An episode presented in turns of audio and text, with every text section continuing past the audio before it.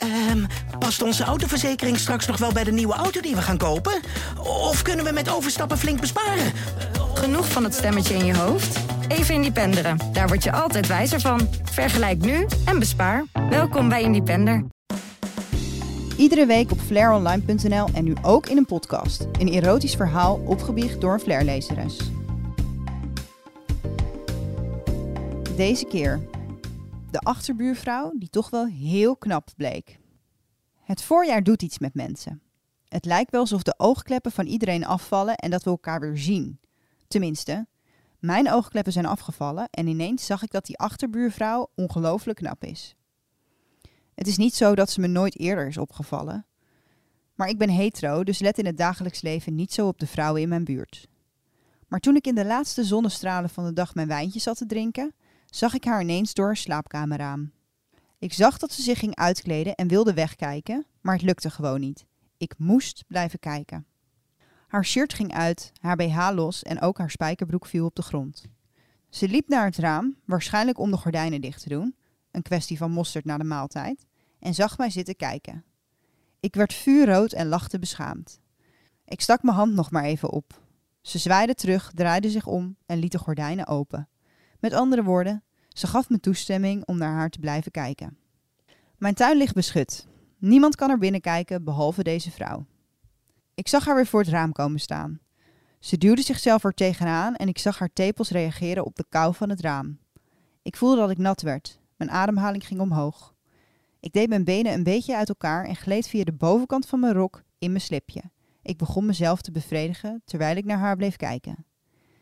Inmiddels was ook zij begonnen zichzelf tot een hoogtepunt te brengen. Ik stond op zodat ik beter zicht had op wat er gebeurde. Ze was inmiddels op bed gaan liggen en had een vibrator gepakt. Ze keek mij recht in mijn ogen aan terwijl ze de vibrator nat maakte met haar mond en hem bij haar naar binnen schoof.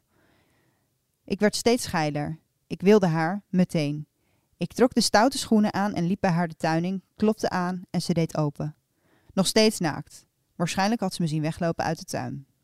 Zodra ze voor me stond, duwde ik haar tegen de muur en pakte de vibrator uit haar hand. Ik duwde hem in haar mond en daarna in haar kut. Ze keek me aan en lachte geil naar me.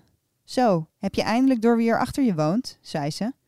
Ineens, niet meer zo zeker van mijn zaak, stopte ik met de vibrator. Ik heb jou al sinds het begin in de gaten gehouden, bekende ze.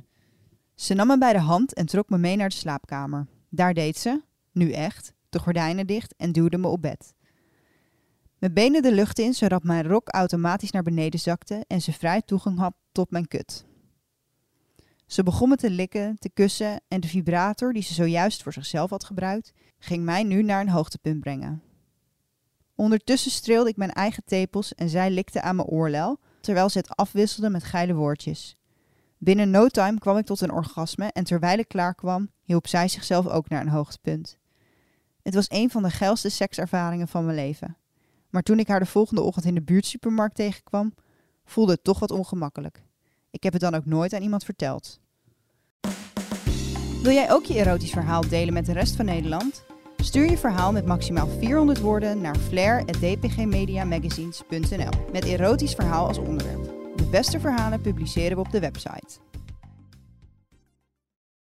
Ah, we rijden al jaren schadevrij en toch stijgt de premie van onze autoverzekering elk jaar weer. Kunnen we niet eens wat besparen? Genoeg van het stemmetje in je hoofd? Even Independeren. Daar word je altijd wijzer van. Vergelijk nu en bespaar. Welkom bij Independer.